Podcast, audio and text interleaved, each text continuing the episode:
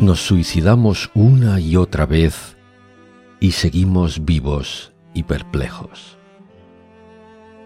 Nos hemos ahorcado, cortado las venas, disparado en la sien. Llegamos a lanzarnos desde azoteas, precipicios, a los trenes, del puente, al río para que nos llevara. Y nada. Lo último ha sido tirarnos desde un acantilado al mar con una piedra atada a los pies. Pero ni aún así. Es duro. Y esto tampoco es vida ni muerte para nadie. Y menos para una familia típica y asfixiada. Aquí, en el fondo, mi mujer no se mueve cuando la miro, para hacerse la ahogada y no preocuparme pero yo sé que respira sin hacer burbujas. El grande, que está en la edad del pavo, no me angustia demasiado.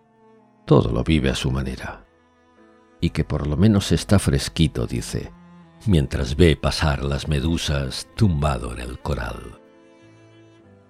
Pero el pequeño, ese me rompe el corazón lo miro intentando pegar sin parar los cromos del álbum, que con tanta humedad no hay forma de que se adhieran.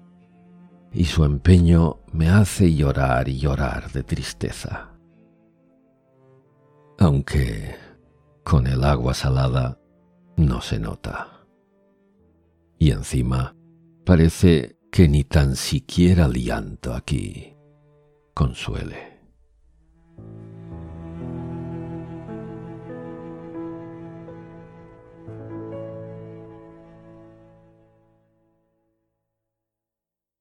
La vida ahogada, de Miguel Ángel Flores. Relato ganador del concurso de microrelatos de la Biblioteca Esteve Palutsier de Barberá del Vallès, de noviembre de 2018. Grabado por En Alta.